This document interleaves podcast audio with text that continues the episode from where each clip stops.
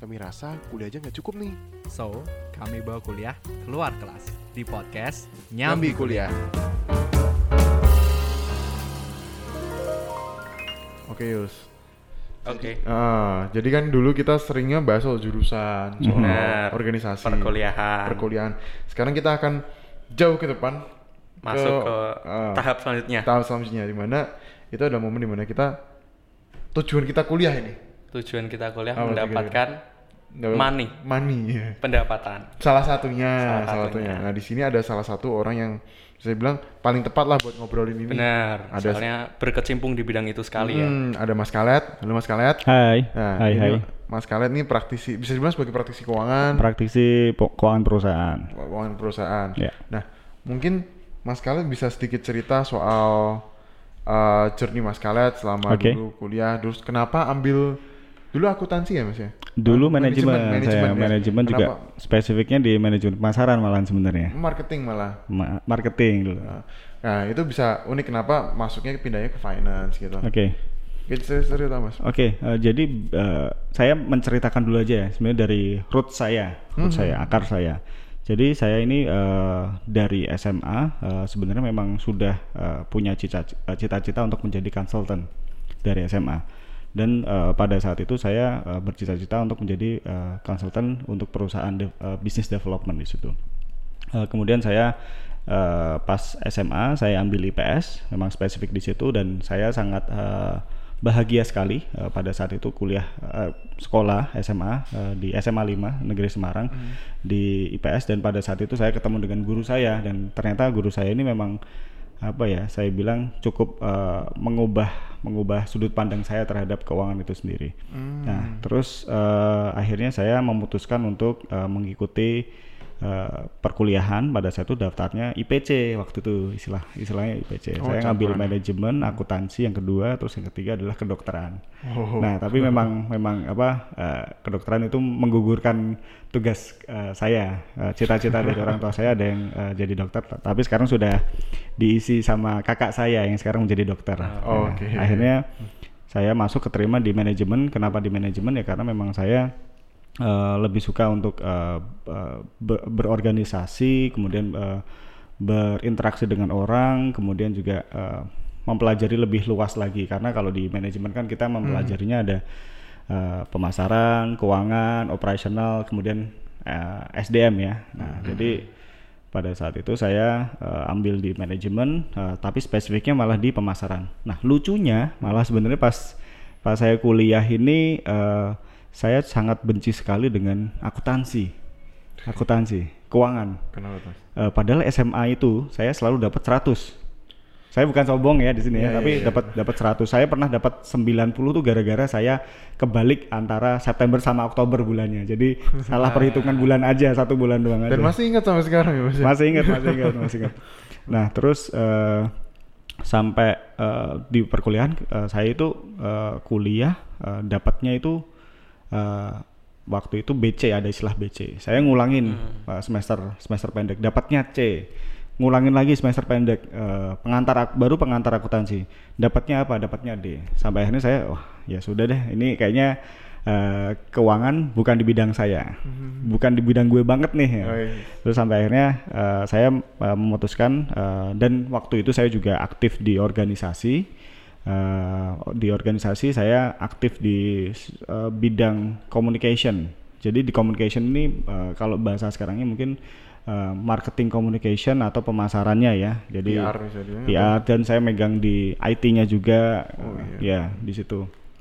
Waktu itu saya sampai di sebagai VP Communication pada saat itu di salah satu organisasi itu. Nah, kemudian eh, pada saat itu ya saya juga menye- eh, menyukai juga, saya bahagia juga belajar eh, communication di situ. Dan saya bertemu dengan teman-teman eh, dari lintas eh, fakultas juga, eh, organisasi lin- lintas organisasi juga pada saat itu yang memang bergerak di eh, konten kreatif atau pemasaran kreatif lah, eh, communicationnya lah. Kalau di tempat saya eh, di manajemen ini kan kita belajarnya tentang pemasaran, pemasaran manajemen. Sedangkan yang satunya lagi itu ada yang namanya kreatif. Ini ada perbedaan sebenarnya Oh, pada saat itu. beda ya? Mm. Jadi kayak misalnya eh kalau orang orang pemasaran itu sangat eh, angka sekali. Tetapi kalau anak kreatif itu sangat eh, ingin explore ide-idenya. Tapi tidak ada dari sisi controlling dari sisi budget. Nah, biasanya yang harus mengimbangnya adalah dari sisi riset. Nah, itu eh, sedikit cerita mengenai eh, pola pola saya eh, belajar di perkuliahan. Eh, saya tidak membidangi di keuangan sampai akhirnya saya eh, tahun 2012 saya bergabung di salah satu eh, konsultan manajemen eh, manajemen di organizational development eh, eh, kemudian ada di bidang em, pemasaran juga SDM juga nah itu eh, saya megang di eh, area eh, Semarang Semarang dan Jawa Tengah dan Jogja Ah. nah pas itu eh, saya akhirnya belajar juga dari meng- eh, dari sisi eh, keuangan bagaimana, kemudian dari sisi bisnis bagaimana, kemudian dari sisi eh, SDM juga bagaimana, lebih ke aplikatifnya bagaimana. Nah sampai akhirnya saya memutuskan eh, tahun 2013 saya fokus di bisnis. Eh, di bisnisnya adalah di bidang eh, properti. Pada saat itu saya ya kalau zaman sekarang bilangnya ini ya kontraktor. Tapi saya basicnya adalah ekonomi, eh, ekonomi. Sedangkan kalau di kontraktor sama eh, sangat dekat dengan teknis dan saya saat itu eh, merasa memiliki tanggung jawab moral karena saya bukan di bidang situ. Akhirnya saya memutuskan eh, saya bergeser dari yang properti di pem- pembangunan rumah sama akhirnya saya di desain produk dan furniture, furniture dan interior. Nah, Creative industry Nah, juga ya? kreatif kreatif industry. Jadi basic saya kepakai juga pada saat kuliah itu. Di- Hmm. dulu di pemasaran, dulu di uh, bidang communication itu dan dari dari kecil saya sampai sekarang masih suka menggambar.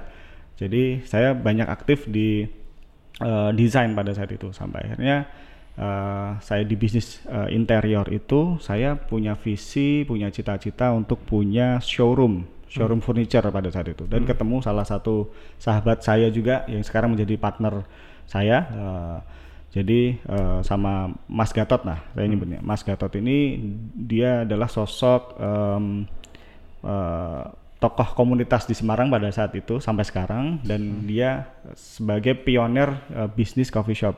Jadi saya punya ide pada saat itu adalah memiliki showroom furniture dan memiliki tempat eh, coffee shop pada saat itu. Jadi saya gabungkan di situ konsepnya pada saat awal-awal sampai akhirnya akhirnya ternyata di luar itu ada ketemu yang namanya konsep coworking space. Tapi konsep coworking space ini sangat berbeda 180 derajat dengan coffee shop. Jadi pendekatannya adalah seperti ini. Kalau orang datang ke coffee shop, dia membayar eh, satu kopi untuk eh, bisa dapat duduk di situ untuk bisa ngobrol, untuk bisa bekerja. Sedangkan kalau di coworking space, dia membayar kursinya, dia bisa dapat kopi, teh eh, dan snack yang sepuasnya. Jadi pen- eh, pendekatannya berbeda. Sampai akhirnya eh, karena saya waktu itu eh, dengan founders dari Impala itu sendiri eh, kami merasa bahwa kami memiliki kelebihan dan kekurangan masing-masing dan saya merasa bahwa eh, saya cukup kuat dari sisi eh, organizing kemudian dari sisi manajerial sampai akhirnya saya memutuskan saya di bidang keuangan aja.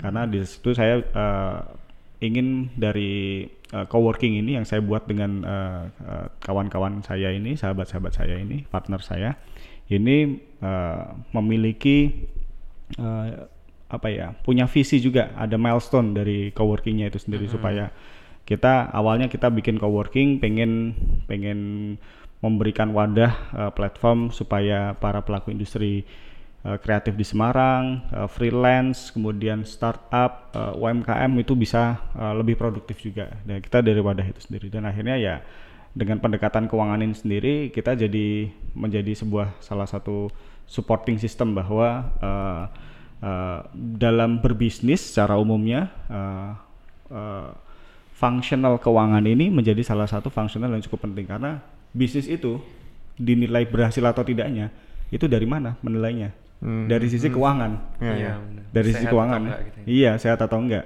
Eh, produknya inovatif tapi kalau produknya inovatif eh, tidak bisa diserap orang eh, dan dia cuman eh, eh, sifatnya eh, tidak tidak laku lah kayak gitu. Eh, itu masuknya ke pemasaran dan tidak mendapatkan bayaran atau tidak mendapatkan uang dari nggak cuan lah produknya kayak gitu ya ya akhirnya produknya itu sendiri tidak tidak akan laku dan perusahaannya juga tidak akan berkembang karena yang utama adalah bagaimana eh, indikator keberhasilan dari si sebuah perusahaan ini adalah eh, dari salah satunya adalah dari keuangan. Dan kalau misalnya kita ketahui ada 10 eh, sukses faktor yang membuat yang membuat perusahaan-perusahaan rintisan, perusahaan-perusahaan eh, startup ya tadi ya, kemudian UMKM itu akan mendapatkan investor, investment itu, Oh, itu. dari ada 10 ya. Enamnya adalah keuangan. Oh gitu. ya? Bidang keuangan bagaimana cash flow-nya dia, bagaimana growth eh, keuangannya dia, bagaimana eh, asetnya dia, kemudian bagaimana eh, banyak sekali ya dari situ eh, potensial marketnya dari sisi keuangannya bagaimana. Nah, jadi dari 10 6 itu adalah eh, keuangan sendiri. Dan secara simpel orang secara kasat mata juga orang ngelihatnya adalah perusahaan ini berhasil atau tidak dari mana? Ya Iya. keuangannya sehat apa enggak? Udah gitu. Iya, aja. serius, benar. serius. Gitu. Nah, kalau mungkin aku mau sedikit balik dulu ke mas, Hmm. dulu waktu mas Em, lulus pertama kali itu Hmm. kan berarti langsung masuk ke konsultan, Mhm. manajemen konsultan. Hmm. Terus eh itu adalah momen di mana mas mulai belajar counting atau Em, bahasanya gimana? Eh, itu itu adalah momen saya untuk lebih eh, karena kebetulan eh, konsultan itu adalah eh, perusahaan yang dibangun oleh mentor saya. Jadi itu adalah momen di mana saya belajar sebanyak-banyaknya atas semua bidang. Dan akhirnya dari saya belajar dari banyak hal ini, saya bisa mengambil keputusan. Keputusan yang saya ambil akhirnya ya yang yang akhirnya sekarang leads me on this path. Eh, jadi Ah. sekarang itu. Jadi bisa bilang em, mas mengambil keputusan tuh dari dasarkan ilmunya merasa cukup terus akhirnya eh, berdiri sendiri gitu ya mas? Saya Atau gimana? aku rasa sih sebenarnya ilmu itu secara individu manusia itu tidak akan pernah cukup ya. Itulah kenapa kalau uh, saya bilang bahwa kita harus selalu terus belajar di situ dan kita harus uh, tidak pernah berhenti untuk uh, belajar juga. Jadi posisinya uh, pada saat uh, di konsultan itu saya belajar sebanyak-banyaknya, kemudian dari sisi mungkin taktikalnya, taktikal dan ilmu-ilmu uh, ilmunya itu sendiri, uh, saya juga belajar wisdomnya bagaimana saya menjadi individu itu uh, secara wise itu bagaimana. Dan akhirnya ya saya memutuskan saya ber, uh, meminta saran bahwa saya ingin uh, membu- uh, membuka usaha. Dan uh, si mentor saya ini, mentor saya ini uh, Bang Willy ini dari pertama kali ketemu dia ingat per, jadi pertama kali ketemu tahun 2007 uh, dari organisasi organisasi organisasi di kampus AISEC itu uh, dia langsung uh, menanyakan mengenai cinta-cita kamu apa mimpi saya apa saya ingin punya perusahaan. Dan perusahaan saya bisa mensupport uh, industri kreatif. Saya spesifik bilang seperti itu. Dan pada saat saya lulus pun pada saat saya juga uh, apa eh, akhirnya memutuskan untuk membuka usaha sendiri juga eh, diingatkan bahwa ya kalau kamu mau usaha eh, ya lakukan aja karena kalau kamu mau belajar di tempat lain belum tentu tempat tersebut bisa diterapkan sistemnya di perusahaan kamu ya akhirnya ya itu yang yang saya putuskan untuk saya mengambil eh, pilihan untuk eh, ber, berwira swasta dari tahun 2012 Berarti itu em, 2012 berarti berapa baru tahun Baru dua setahun. tahun setelah lulus ya? Saya lulusnya 2012. eh, Saya langsung eh, aktif di situ. Sebelum lulus saya juga sudah aktif. eh, terus eh, sampai akhirnya 2013 saya ini. Jadi eh, setahun. Setahun ya mas? Setahun. Dan apa? Itu pasti ada penyesalan nggak mas dulu? Maksudnya apakah dulu pernah merasa ah kalau aku dulu ikut siapa gitu terus pasti aku bisa lebih bagus dari sekarang gitu atau Enggak sih. Saya tidak pernah menyesali keputusan yang selalu saya ambil karena keputusan yang saya eh, aku ambil itu pasti sudah eh, mempertimbangkan eh, matang-matang atas apa yang ingin saya capai. Jadi eh, kalau saya pernah bilang sama Eric juga waktu itu starting from the ending point lah. Jadi saya udah tahu dulu saya pengen akhirnya tuh pengen pengen End jadi apa, goalsnya tuh pengen apa. Jadi itu yang saya ambil dari situ. Nah, kalau kita udah belajar soal journey-nya Mas lama ini, kalau boleh tahu saat ini end goals-nya Mas tuh apa sih Mas sekarang? Um, end goal saya, saya masih uh, selalu punya mimpi bahwa saya uh, pengen pensiun lebih muda. Maksudnya secara secara secara independen ini saya financial freedom di usia yang cukup lebih muda. Uh, kemudian saya juga pengen punya uh, sekolah, sekolah, Sekolah. sekolah. Jadi di sekolah itu ya saya ingin mengajarkan mengenai uh, entrepreneurship-nya itu sendiri, kemudian bagaimana uh, dari sisi entrepreneurship itu uh, dari individu-individu tersebut bisa uh, bisa memberikan impact ke ke society yang lebih luas lagi. Itu sih mimpi saya, tapi itu ending ending ending saya. Kalau dengan uh, relate, uh, related dengan yang sedang saya kerjakan di saat ini, saya salah satu yang ingin saya capai di Impala sendiri, di coworking saya sendiri, saya uh, ingin membangun namanya venture builder. Jadi venture builder ini Venture builder. ya, jadi mungkin masih uh, cukup ini ya awam ya istilahnya. Iya. Yang mungkin sudah dengar adalah venture capital ya. Iya. Kalau venture capital uh, dia menginvest uh, menginvest terhadap bisnisnya dan uh, sejumlah nilai ya. Kalau di venture builder uh, menginvest dari sisi uh, ke ke foundernya. Jadi yang dilihat adalah foundernya siapa, kemudian uh, membangun dari sisi bisnisnya itu sendiri dan uh, akan disupport dari supporting sistemnya, dari sisi manajerialnya, kemudian dari sisi uh, networknya, ekosistemnya seperti itu. Karena itu yang kita miliki sekarang ini. Ya saat So- ini Mm-mm. dikerjakan juga kayak gitu ya Mas Iya, ya iya, iya. Tapi fokusnya ke UMKM atau ke Ke startup digital, Startup uh, digital ya? startup digital, kemudian di UMKM juga. Oh, Dua hal gitu. itu.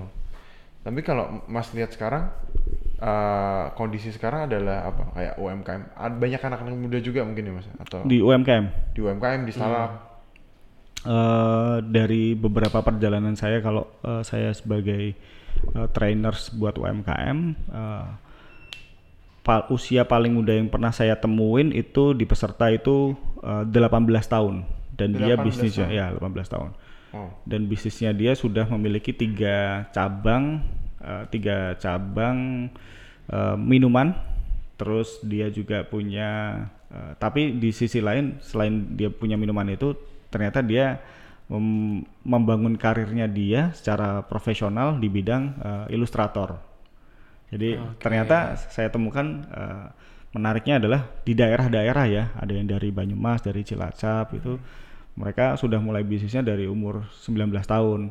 Ada yang karena memang dia eh, punya resource, ada yang karena memang eh, kepepet, ada yang karena memang disuruh orang tuanya, ada yang memang mulai dari nol juga, macem-macem sih. Tapi resultnya ada gitu muncul ada. Ya, eh, mereka sedang berproses lah saya bilangnya gitu. Oh. Em, Oke. Nah, setelah dari uh, nge-training Mhm. banyak dari le- banyak level lah bisa bilang ada yang tadi Mas bilang ada yang mungkin ada privilege, ada yang emang dari kepepet, ada macam-macam. Nah, dari mereka-mereka ini tuh yang Mas training awalnya tuh mereka sudah melek dengan finance nggak sih sebelumnya? Mayoritas ya, mayoritas eh, nggak cuma di UMKM, eh, di bisnis startup. Kemarin saya juga eh, hari Sabtu lalu saya juga eh, ngetes buat persiapan demo day eh, di di level nasional. Jadi yang sedang kita incub- incubate eh, di Semarang ini sendiri, saya tes eh, bagaimana pitching mereka dan saya memberikan masukan. Eh, jadi mayoritas para pelaku bisnis ini masih salah mengartikan antara yang namanya omset. Jadi mereka masih selalu mengejar omset itu sendiri dan mereka masih eh, bahkan secara tidak sadar sendiri salah eh, mengartikan eh, omsetnya itu apa. Nah, padahal sedangkan kalau saya bilang bahwa kalau teman-teman nih yang mau berbisnis eh, eh, menjalankan bisnis atau eh, sebagai freelance, teman-teman harus eh, sadari bahwa yang dikejar dalam eh, aktivitas eh, produktif industri ya, transaksi itu bukan omsetnya. Tapi yang dikejar adalah profitnya. Karena kalau kita berbicara mengenai omset itu masih setengah jalan karena itu kan yang dikejar adalah pendapatannya kan mengoptimalkan pendapatan kan sedangkan kalau kita eh, mencari profit yang akan kita cari adalah eh, pendapatan dikurangi pengeluarannya Nah, Yes. jadi kalau prinsipnya pendapatan adalah mengoptimalkan pemasukan, kalau di eh, pengeluaran adalah bagaimana kita mengefisiensikan pengeluaran itu sendiri. Jadi gitu. Jadi emang end goal-nya tetap profitnya mas akhirnya. Iya harus profit dong, harus profit. Yang Nah, dilihat. ini sedikit contoh aja ya, Eh, case dari startup sama UMKM ini contohnya. Di UMKM ini ternyata dia eh, dia jualan produk harganya 15.000 Saya tanyain eh, produk dia itu HPP-nya berapa? Oh HPP-nya pro- bahan bakunya adalah eh, 13.000 Oh berarti eh, marginnya berapa? 2.000 Sudah dapat gajian dari situ? Belum ya, gajiannya dari 2.000 itu dikali jumlahnya kan yang banyak gitu.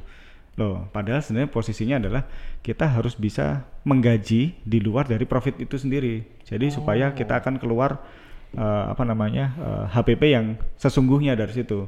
Karena kan ada yang namanya eh, biaya tetap dan biaya tidak tetapnya kan istilahnya kayak gitu. Kalau biaya tidak tetapnya eh, mungkin pegawai yang memproduksi di situ. Tapi biaya tetapnya adalah manajer atau kita sebagai pemilik bisnis harus bisa gajian dari situ juga gitu. Terus kemudian adalah biaya, ada biaya-biaya eh, yang diharapkan supaya bisnisnya itu kan tidak hanya pengen stagnan di situ aja kan, tidak hanya yang penting jalan aja kan, pasti eh, pasti harus ada punya mimpi ataupun target eh, selama satu tahun, dua tahun, tiga tahun ke depan itu pengen mencapai apa? Dari mana ya? Dari dari profit itu yang nanti dikelola, apakah nanti akan dicadangkan, apakah nanti diinvestasikan, apakah nanti eh, digunakan untuk membeli aset-aset yang lain. Nah, itu kan harus harus di dipersiapkan dari dana-dana eh, profit itu sendiri. Nah, kalau dari Masnya tadi udah cerita soal udah udah jelas lah udah contohnya antara orang tuh banyak yang nggak sadar sama profit sama omset. Nah, kasusnya di real apa saat ini itu level edukasi eh, le- level kemampuan finansialnya tuh seperti apa sih, Mas? Hmm, Atau gini, pada umumnya tuh UMKM sekarang tuh menjalankan operasionalnya tuh kayak gimana? Hmm, ya ya. Ini kalau yang dengar paling eh, kebanyakan anak muda ya. Anak muda Yes. kalau punya bisnis mereka selalu tidak mau disebut bisnisnya UMKM. Iya. Biasanya kayak gitu. Iya. Kind of true. bisnis eh, punya bisnis apa? Oh, bisnisnya UMKM. Enggak kok, enggak bisnisnya enggak UMKM. kok. Bisnisnya apa? Brand lokal milenial biasanya kadang kan kayak gitu. Atau ide, kalau ditanya mau apa, mau bikin startup gitu. Mau bikin startup. Startupnya padahal kalau dibilang bikin apa? Bikin keripik ya. Startup keripik. startup keripik ya. Itu sah aja. Sah aja. Sa- eh, jadi supaya tidak blunder ya. Jadi UMKM itu kan sebenarnya eh, istilah small medium enterprise eh, tataran bisnisnya kan ada ada eh, ada eh, indikator eh, mereka masuk ke bisnis mikro, kecil, menengah ataupun nanti sudah besar. Nah, kalau di sini kan kalau yang dijelaskan di undang-undang kan eh, bisnis eh, mikro itu sendiri di bawah 50 juta omsetnya dalam satu tahun. Kalau misalnya yang kecil adalah eh, 500 juta. Terus saat dalam satu tahun kalau misalnya menengah ya di bawah eh, 5 miliar kalau enggak 10 miliar kalau enggak salah ya. 4,8 itu ya. Ya, ya. Heeh. Agak salah, a- a- mungkin nan- nanti datanya tolong di, dicek ya. Kalau nggak salah yang kecil pun eh, di bawah 5, 5 miliar. Jadi kalau bisnisnya masih omsetnya 1 1,2 itu ya sebenarnya bisa juga dibilang kecil juga gitu kan kadang. Nah, padahal kan kalau misalnya teman-teman di sini yang eh, masih bangun rintisan kan paling berapa omsetnya? Eh, omsetnya bisa satu bulan bisa baru 30 lah misalnya kayak gitu 30 atau 50 juta satu tahun berapa masih 600 juta jadi itu adalah tahapan. Sedangkan eh, startup itu sendiri juga tahapan juga. Itu adalah fase bisnis kita memulai dari awal. Tapi kalau di sini eh, di startup sendiri kita selalu mengibaratkan adalah bisnisnya bisnis digital. Nah, ya jadi ya ya mungkin istilahnya akan berbeda lagi. Jadi itu namanya startup digital sebenarnya bukan cuma startup aja. Startup itu adalah mulai dari awal bagaimana gitu. Oh itu lebih ke istilah Iya. build-nya kan. Iya, iya. Satu usaha ya. Mas. Ya, ya. Nah, kalau apa ya? Kita sering nemuin sih karena di satu organisasi aku sama Tius juga, Hmm. kita tuh sering punya ketemu orang-orang yang punya mimpi, punya usaha sendiri Hmm, gitu ya, pengen punya usaha. Nah, tapi apa kita lihat adalah backgroundnya tuh jauh-jauh mas. Ada yang dari mungkin perikanan, Mhm, ada yang dari macam-macam lah. Nah, gimana kita sebagai anak muda mulai mempelajari gitu loh soal keuangan so karena kasusnya adalah oke kita pengen punya usaha mungkin kita idenya ada nih. Cuman kan tadi mas bilang bahwa bisnis itu dilihat ke ya sehat apa enggak dari 6 poin dari 10 itu adalah keuangannya nah gimana sih kita bisa mulai lah at least belajar sedikit soal keuangan? Ya, eh, ini juga tadi men- menyambung eh, pertanyaan tadi adalah eh, biasanya permasalahan keuangan di bisnis rintisan, startup ataupun dari UMKM itu eh, di keuangan apa? Jadi salah satunya adalah mereka tidak memiliki literasi keuangan. Jadi dari tidak memiliki literasi keuangan sendiri, jadi pada saat pengambilan keputusan itu menjadi sangat eh, tidak tidak reasonable. Jadi tidak beralasan dan masih menggunakan intuisi. Sedangkan kalau Nah, intuisi ya mas. masih bis eh, kita sebagai pemula intuisi adalah sesuatu yang harus dihindari. Kalau kita sudah kawakan, kita sudah pro lah istilahnya kayak gitu, Iya, kita mau menggunakan intuisi, bolehlah itu sah lah, sah lah. Tapi kalau kita sebagai pemula ya kita harus menggunakan data, kita harus merencanakan. Nah, sedangkan eh, para pelaku bisnis kecenderungannya adalah mereka selalu antipasi, eh, antipati terhadap eh, keuangan itu sendiri. Jadi kalau mendengar kata keuangan itu udah alergi aja. Gitu. Jadi padahal eh, kalau kita sebagai pemilik bisnis ya kita harus mau mempelajari literasi keuangan gitu. Jadi apa saja sih yang harus kita eh, pahami? Salah satunya adalah kita ingin mencapai apa yang di di awal itu. Kita harus ingin mencapai apa dulu. Kalau memang bisnis kita kita dari lulusan perikanan, kemudian kita eh, mulai bisnisnya eh, harus dimulai dari sebuah permasalahan. Ini pendekatannya mungkin teman-teman eh, coba bisa dicari itu namanya eh, eh, lean canvas. Kalau Oh, yang iya. satunya adalah bisnis kas- eh, canvas model, kalau yang satunya adalah eh, di lean canvas. Jadi kita memulai dari bagian sebelah kirinya adalah ada permasalahan apa di sekeliling kita. Jadi eh, kalau kita lihat eh, startup yang besar yang sekarang sudah menjadi unicorn dan eh, dekakorn ini mereka memulai bisnisnya eh, dari sebuah permasalahan. Permasalahan itu yang mereka analisis eh, untuk menjadi sebuah solusi dan solusinya ternyata memang eh, dibutuhkan oleh market. Jadi ada kebutuhan orang untuk menyerap eh, jasa atau produk mereka sendiri. Jadi kita mulai dari situ. Perikanan, ada permasalahan apa sih di sekeliling kita?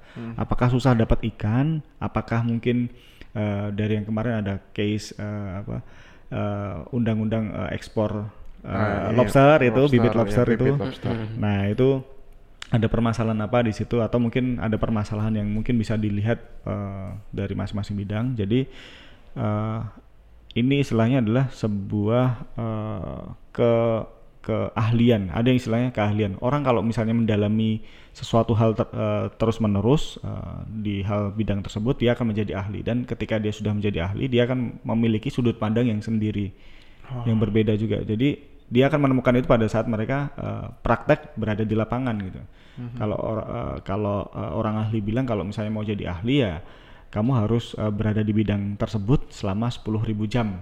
Kamu akan bisa dibilang eh, Sekitar 10 tahun lah, 10 ribu jam iya, ya waktu itu. 10 ribu jam lah gitu, gitu. Nah, baru bisa ahli. Ah. Nah, kalau misalkan tadi kalau misalkan tadi yang dari berbagai jurusan mau mempelajari Mhm. soal keuangan better lewat mana, Mas? Atau Em, apakah satu ada satu website atau satu apa yang bisa kita datangi untuk pelajari atau satu apa ya bisa dibilang kayak seminar atau Eh, itu berarti channel pembelajarannya bisa macam-macam ya. Kalau misalnya teman-teman eh, mau belajar eh, di di bidang keuangan, itu kalau misalnya yang cocok dengan eh, online course ya bisa ke ke situs-situs yang menyediakan eh, masterclass di online course itu sendiri ya. Mungkin kalau bisa saya bilang eh, ada Udemy, ya belajar di situ bisa juga. Jadi nggak masalah ya nggak masalah. Kalau misalnya tipikal orangnya eh, harus mendengar secara langsung dengan, dan perlu bertanya penjelasannya lebih jelas ya. Sekarang juga ada yang namanya webinar-webinar udah banyak. Atau online webinar ya. ya, online webinar. Ataupun kalau misalnya mau eh, cukup eh, cukup pengen eh, berinteraksi secara intens ya bisa juga langsung berkomunikasi dengan para praktisi itu sendiri gitu dan bertanya secara langsung eh, tentang eh, bagaimana mengelola keuangan itu ba- eh, bagaimana juga gitu. Wah. Jadi sebenarnya banyak ya channelnya. Mhm, mhm. Oke oke oke. Nah itu untuk bisnis ya, untuk Iya, bangun bisnis anak-anak yang mau bangun bisnis. Tapi kasusnya kan Mhm.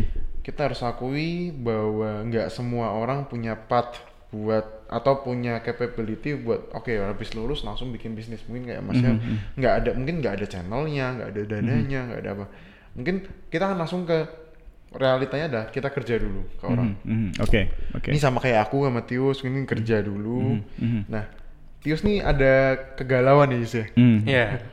Gimana Nah. gimana gimana nih? Eh, kan biasanya sebagai orang yang pertama kali first time jobber gitu ya, istilahnya gitu kan. Pertama kali ini dapat pendapatan seabrek gitu kan. Nah, itu yang biasanya masih digalauin ini Mas, cara eh, manage-nya. Hmm. Pendapatan manage-nya gimana supaya nanti eh, end goal-nya adalah ya memang nggak kerja sama orang lagi. Hmm. Eh, punya bisnis sendiri kan gitu kan, Rick. Ah, ah. Nah itu uh, gimana sih di tahun-tahun awal ini uh, nge-manage pendapatannya supaya Oke, heeh. Heeh, bener ya. nanti end goal-nya bisa ke sana. Let's say bilang gimana manage 100 juta pertama kita. Mhm, Ya gitu. Eh, berarti kerja berapa tahun tuh bisa, bisa nabung 100 juta itu? Let- Atau dapat dari warisan gitu ya? Atau dapat dari lotre gitu? Eh, say, kita bilang gaji kalau ya kalau bukan anak UI 8 juta lah. Kalau bukan anak UI 8, juta. kan kalau anak Fresh UI graduate langsung 8 juta. Mm-mm. Hmm, kerja di mana tuh? ada. Tius mau disebutkan? Anjay. ada. Masih kalau kerja di kota-kota seperti Jakarta atau Oh, Jakarta ya. Ada. Ya, ya. ah, bisa dibilang ah, 8 mungkin kita bilang 8 juta, mungkin 100 juta itu mungkin satu setengah tahun pertama. Eh ya, oke. Jadi gini, Eh, ini buat buat teman-teman ya ini ya, eh, yang nanti akan jadi job seeker ya, Eh, job seeker eh, yang pak yang yang yang utama adalah eh, teman-teman harus eh, mengetahui bahwa ketika eh, sudah memiliki mimpi eh, untuk menjadi eh, entrepreneur ya eh, teman-teman harus meyakini dulu teman-teman ini ingin eh, berada di bidang mana dulu. Jadi ketika mau mengambil keputusan untuk eh, berada di eh, pekerjaan atau kantor, bekerja di sebagai karyawan di suatu kantor, ya teman-teman harus eh, in pet atau inline juga dengan eh, eh, bisnis yang ingin teman-teman ingin eh, ingin Rintis. rintis juga. Sebagai contoh misalnya yang lulusan hukum, lulusan hukum kan eh, salah satu caranya supaya dia bisa menjadi eh, notaris sendiri, dia bekerja di kantor notaris. Nah, nah, terus eh, kembali lagi ke pertanyaan, eh, bagaimana kita bisa mendapatkan 100 juta eh, pertama kita? Nah, eh, pertanyaan adalah Lebih ke manage sih, Mas. Lebih ke manage 100 juta pertama kita. Oke, gini, pertanyaan adalah malah gini saya balik. Bagaimana caranya supaya kita bisa dapat 100 juta kita? Dengan bagaimana caranya gitu. Nah, karena mendapatkan 100 juta selama bekerja itu juga tidak hal yang gampang juga gitu. Jadi yang harus disadari adalah ada yang namanya kalau teman-teman tidak memiliki literasi keuangan yang cukup eh, eh, baik, ya hal yang bisa dilakukan adalah berhemat, ngirit gitu. Itu kalau teman-teman eh, tidak memiliki literasi keuangan, ya ngirit dulu deh. Nah, eh, kemudian yang bisa dilakukan setelah eh, teman-teman ngirit itu ya teman-teman nabung kan. Nah, nabung itu. Ada istilahnya namanya adalah eh, eh, mungkin eh, biaya sosial. Biaya sosial kalau Biaya misalnya sosial. di Jakarta, kota-kota besar ataupun di Semarang sendiri pada saat eh, sudah mendapatkan gaji gitu, eh, hasrat untuk konsumsi pasti akan tinggi. True, true. Pasti itu pasti. Eh, jadi yang bisa dilakukan adalah ya kita menganggarkan salah satu hal yang bisa kita lakukan, menganggarkan berapa sih biaya yang harus kita keluarkan untuk biaya kebutuhan, kebutuhan dasar mungkin dari tempat tinggal, kemudian dari sisi ke tempat tinggal dan kebutuhan pokok makan gitu. Terus ada juga berapa persen yang akan kita alokasikan untuk eh, lifestyle, untuk hiburan, eh, kemudian untuk pakaian yang mungkin eh, kita budgetkan di situ dan yang terakhir adalah berapa persen yang harus kita eh, gunakan untuk menabung dan investasi. Sesimpel itu. Karena memang kalau dari sisi eh, eh, yang sudah baru gajian ini eh, ini eh, saya menceritakan realitanya adalah mereka ini setelah dapat gajian misalnya gajian kalau di Jakarta tadi 8 juta ya kalau di Semarang mungkin tiga setengah atau 4 juta lah ya misalnya kayak Ya, gitu. oke, oke. Nah, lo- ada yang nama istilahnya adalah lifestyle creep. Lifestyle creep yang sebelumnya eh, belum dapat penghasilan sendiri terus dapat penghasilan sendiri, gaya hidupnya jadi berubah, jadi nambah. Sah nggak sih? Boleh-boleh aja, boleh-boleh aja teman-teman eh, rewarding yourself, tapi kembali lagi itu harus eh, sesuai dengan batas yang eh, teman-teman mampu juga. Kalau misalnya eh, setelah dapat penghasilan ternyata suka ngopi, kopi, kopi, kopi kekinian zaman sekarang ini, harganya se satu bijinya aja dua puluh lima ribu misalnya kayak gitu. Belum ongkirnya 30, 40 ribu lah sama jajannya. 40 ribu kali lima hari aja dah. Udah berapa? 200 ribu ya. 200 ribu kali 4 itu. Udah berapa itu? 800. 800 belum makan makannya juga belum makan pagi dan yang lain-lain 4 juta kalau misalnya dia bisa untuk 800. Eh, ya gini aja Eh, 800 ribu adalah persentase berapa eh, berapa persentase eh, 800 ribu dengan gaji 4 juta itu. Berarti berapa persen itu hanya diga- dihabiskan untuk eh, kopi, Kopi. susu nah, nah jadi kayak gitu.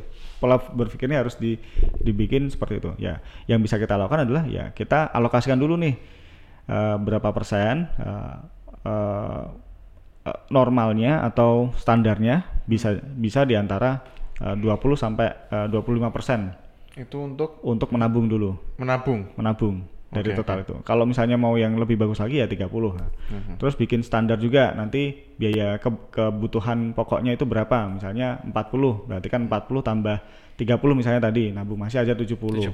70 berarti sudah menabung, sudah kebutuhan pokok sudah ada, kemudian 30 ini digunakan untuk eh, untuk lifestyle. Lifestyle-nya untuk apa? Bisa untuk nyicil. Nyicil apa? Nyicil iPhone terbaru tuh, iPhone 12 Pro gitu.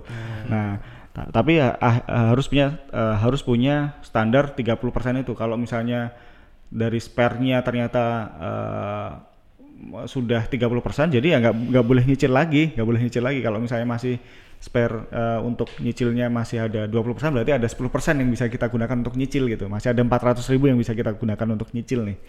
Tapi kalau udah udah 30% mentok gitu.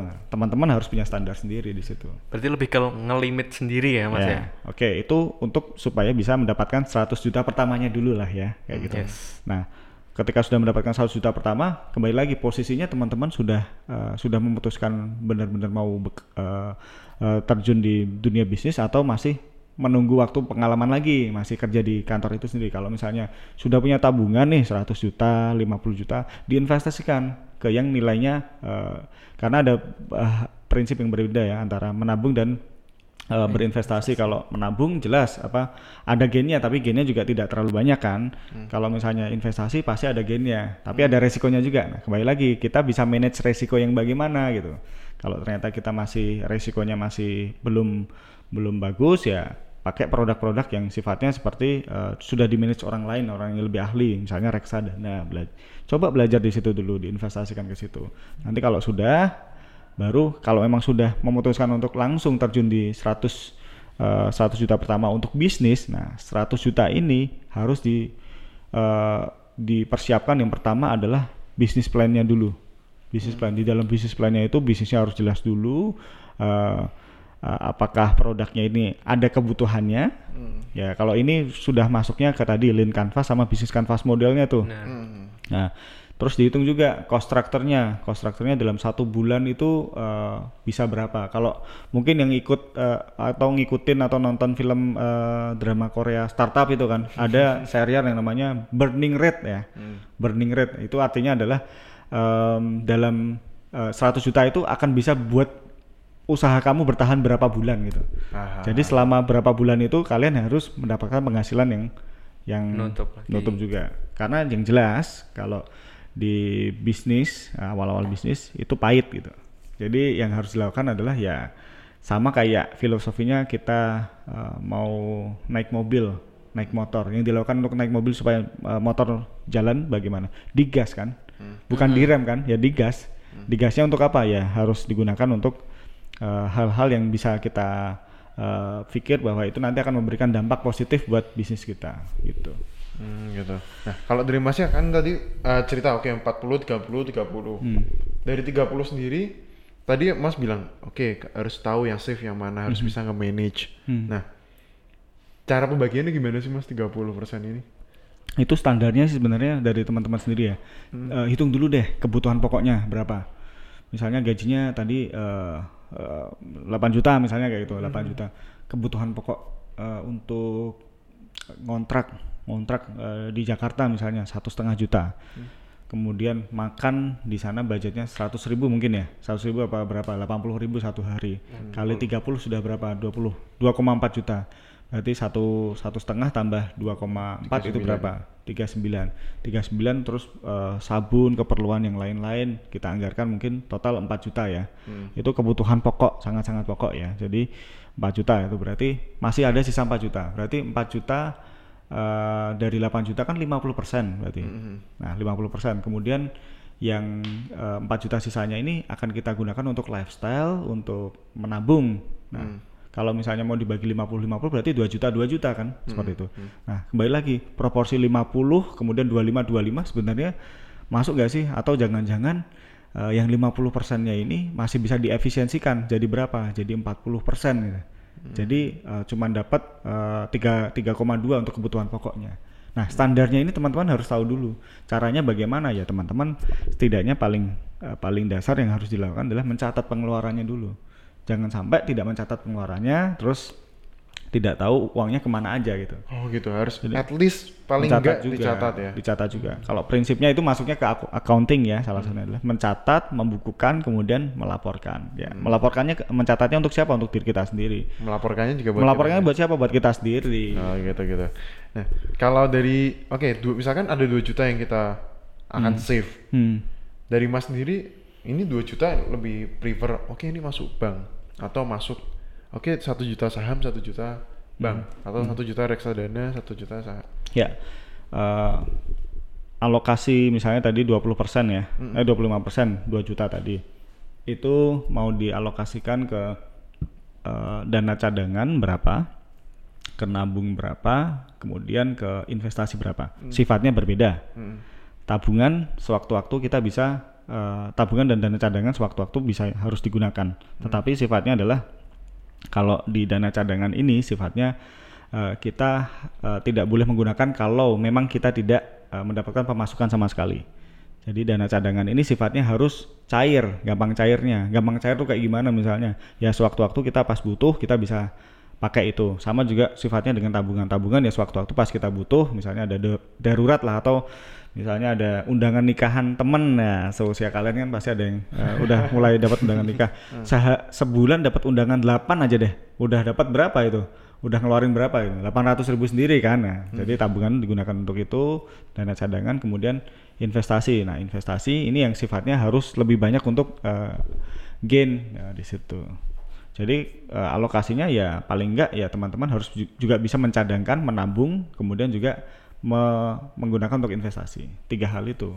Eh, mungkin yang sering lupa investasinya ya mas ya Investasi sama dan cadangan malahan. dana cadangan aku juga baru tahu loh Nah, dana cadangan kayak gini misalnya. Teman-teman tadi udah tahu bahwa eh, kebutuhan pokoknya adalah 4 juta. 4 juta ya. Dana cadangan adalah dana yang sewaktu-waktu akan kita gunakan eh, dengan eh, dengan eh, artian adalah kita tidak memiliki apa namanya pemasukan dalam satu bulan itu. Jadi misalnya teman-teman eh, 4 juta itu standarnya adalah kalau misalnya masih jomblo ini pa- paling tidak harus punya dana cadangan tiga bulan. Ah, Berarti berapa dana cadangannya? 12 juta. 12 juta itu digunakan, dikelompokkan di satu rekening sendiri, kantong sendiri yang digunakan sewaktu-waktu kalau misalnya teman-teman siap resign, nah teman-teman bisa bertahan atau tiba-tiba eh, eh, ini ya, amit-amit ya eh, di PHK misalnya kayak gitu. Kita Masih kita bisa, untuk ya. cari kerjaan lain kita masih bisa dapat Oke. oke bertahan tiga bulan. jadi 12 juta tuh emang harus stay di bisa dibilang tiga tabungan. bulan. Hmm. Kalau sudah berkeluarga itu enam bulan sampai 12 Kalau tadi jomblo tiga Tiga bulan. tiga bulan sampai enam bulan. Hmm, gitu Kalau ya, keluarga berkeluarga. 6 sampai 12 bulan. nah ini ngomong-ngomong soal berkeluarga nih Iya. Gimana ya? Nah, biasa kan oke rata-rata usia menikah lah orang di Hmm. Indonesia tuh sekitar 20 25 25 26. sampai 30 lah. Ya, 25 sampai 30. Ini tuh adalah usia-usia di mana orang anak-anak umur 20 tahun tuh nggak ada bayangan gitu. Mhm. Kita nggak akan tahu kapan menikah gitu. Kalau aku jujur kayak Mhm. belum tahu mungkin menikah umur berapa gitu. Hmm. Nah, atau amit-amitnya adalah Hmm. terpaksa menikah. Kita nggak berharap ya, tapi kan ada ya yang harus itu. Nah, apa sih hal-hal yang hal-hal soal keuangan yang anak muda umur 20 tuh lupa bahwa oke 20 umur 26 atau lima tahun ke depan tuh aku akan facing ini loh. Seperti mungkin menikah atau apa. Hmm. Apa sih hal-hal itu? Atau krisis apa yang sering terjadi di usia 20 akhir lah? Hmm. Ini eh, 20 akhir tuh biasanya eh, masalah menikah, kemudian masalah pendapatan, Pendapatan. status sosial, Ah. Itu mungkin sesuatu yang Eh, quarter life crisis ya. ya eh, pendapatan, eh, terus eh, status menikah dan status statusnya dia bekerja bagaimana. Jadi bagaimana menghadapinya kalau misalnya dari sisi eh, pendapatan ya, ya teman-teman ya kalau misalnya eh, berada di satu posisi eh, bekerja, ya teman-teman harus bisa produktif, produktif dan harus bisa mengejar karir pet yang memang dikejar eh, dikejar di situ. Kalau misalnya teman-teman dari sisi pendapatan sudah punya bisnis ya berpikir bagaimana supaya bisa mendapatkan eh, mendapatkan omset atau profit yang meningkat atau ada pertumbuhan di bisnisnya. Sedangkan kalau eh, tadi eh, status sosial. Nah, kalau status sosial ya ini kembali lagi ini eh, teori Maslow ya. Jadi kan ada yang paling dasar adalah eh, keamanan kan ya. Terus yang paling tinggi adalah aktualisasi diri ya. Teman-teman harus menyadari bahwa ya teman-teman harus bisa eh, beraktif bergerak eh, di bidang-bidang yang memang teman-teman sukai di situ dan memang digelutin dan ingin menjadi ke- eh, keahlian di situ. Tidak harus eh, itu menghasilkan eh, uang tapi bisa juga itu bisa memberikan dampak di situ dari situ statusnya itu. Dan ya kalau itu kembali lagi itu panggilan jiwa. Kalau misalnya bisa mengelola mengelola apa namanya eh, tekanan atas status sosial ya ya itu bagus sekali. Tapi kalau tidak bisa ya eh, di umur umur quarter life crisis 25 ke atas tuh teman-teman nanti akan memiliki eh, circle yang lebih kecil lagi kok jadi Gitu ya Mas. ya? Ya, kalian eh, tidak tidak sebanyak pada saat muda sekali, tapi tem- teman-teman akan punya eh, circle sendiri. Nah, kalian percayakan eh, dan banyak berdiskusi, bercerita dengan circle kalian itu sendiri. Nah, tapi kalau misalnya masih jomblo ya circle-nya seperti itu. Tapi kalau misalnya yang sudah menikah, circle-nya kan jelas, suaminya atau istrinya. Nah, itu lebih enak kalau habis kerja capek kan ada yang mijitin. Kalau jomblo kan masih belum bisa kan. Nah, nah terus kalau masalah menikah yang harus dipersiapkan keluar dari sisi ya, iya. kalau keluar setelah duit ya. wah itu gawat ini Loh, kan banyak ya.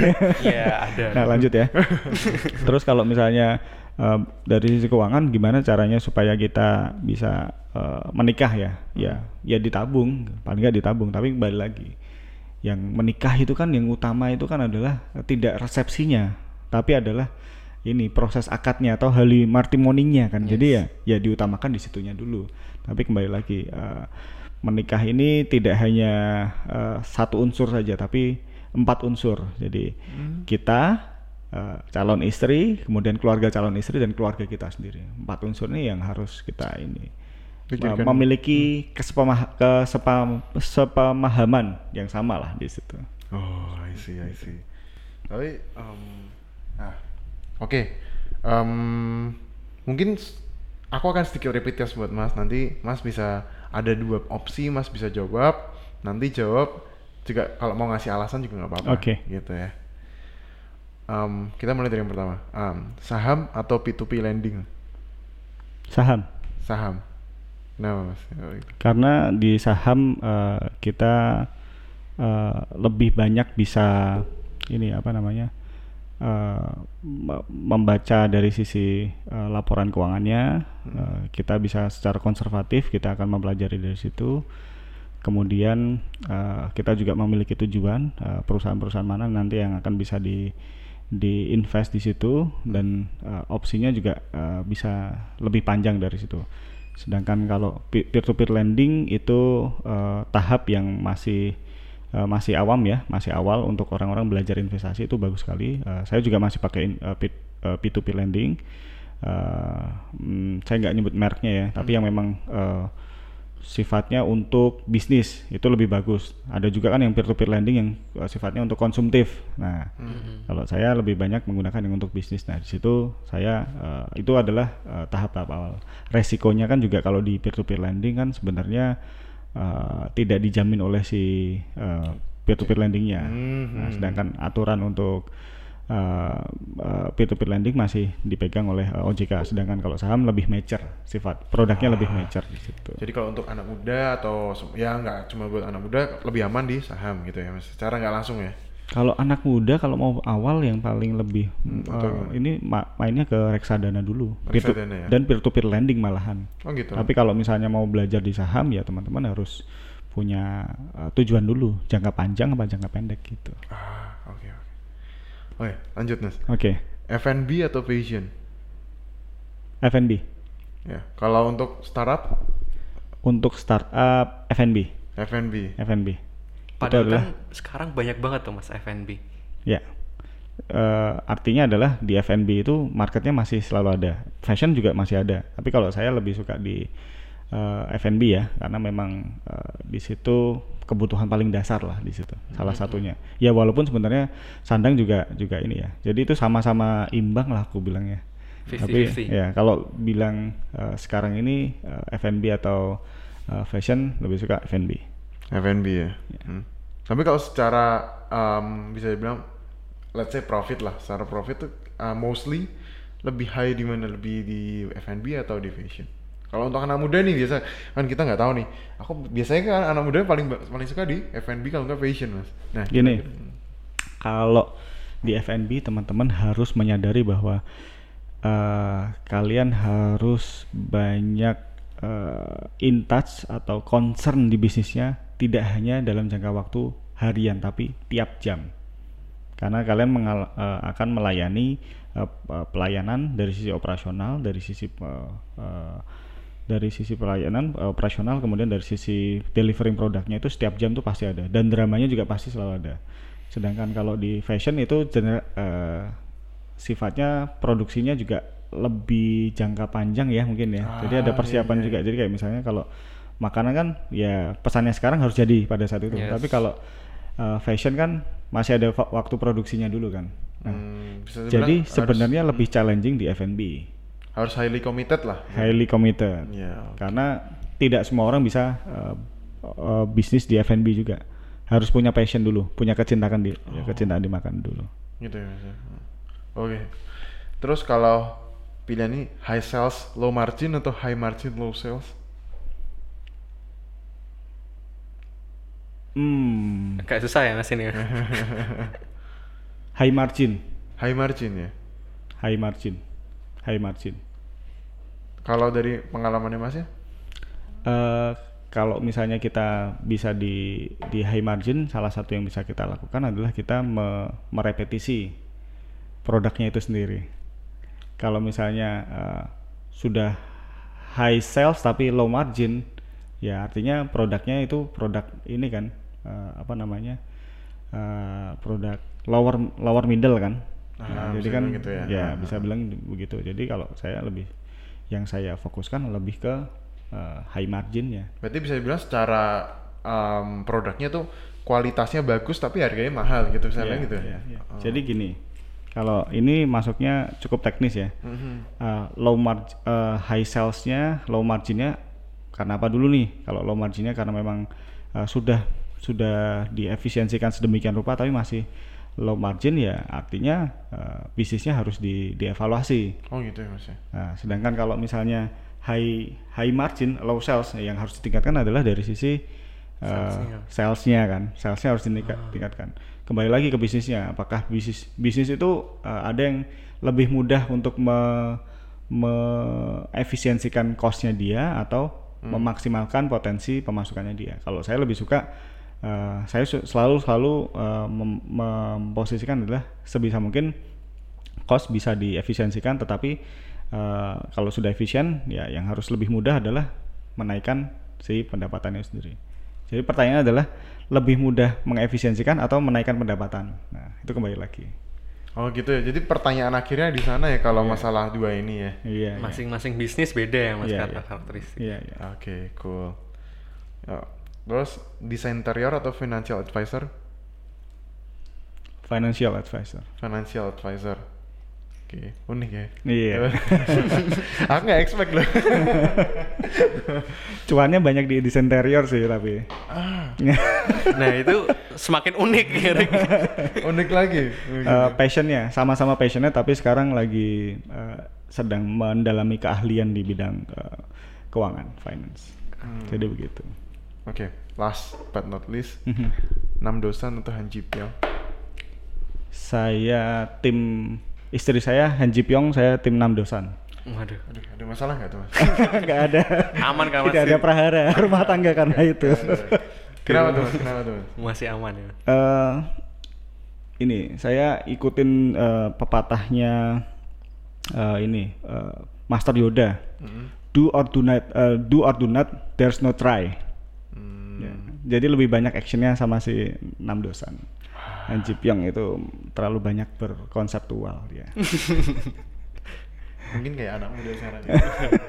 Nanti didengar istri dong mas ini. nggak apa-apa, nggak apa-apa. Nanti saya kasih tahu istri saya buat dengerin ini.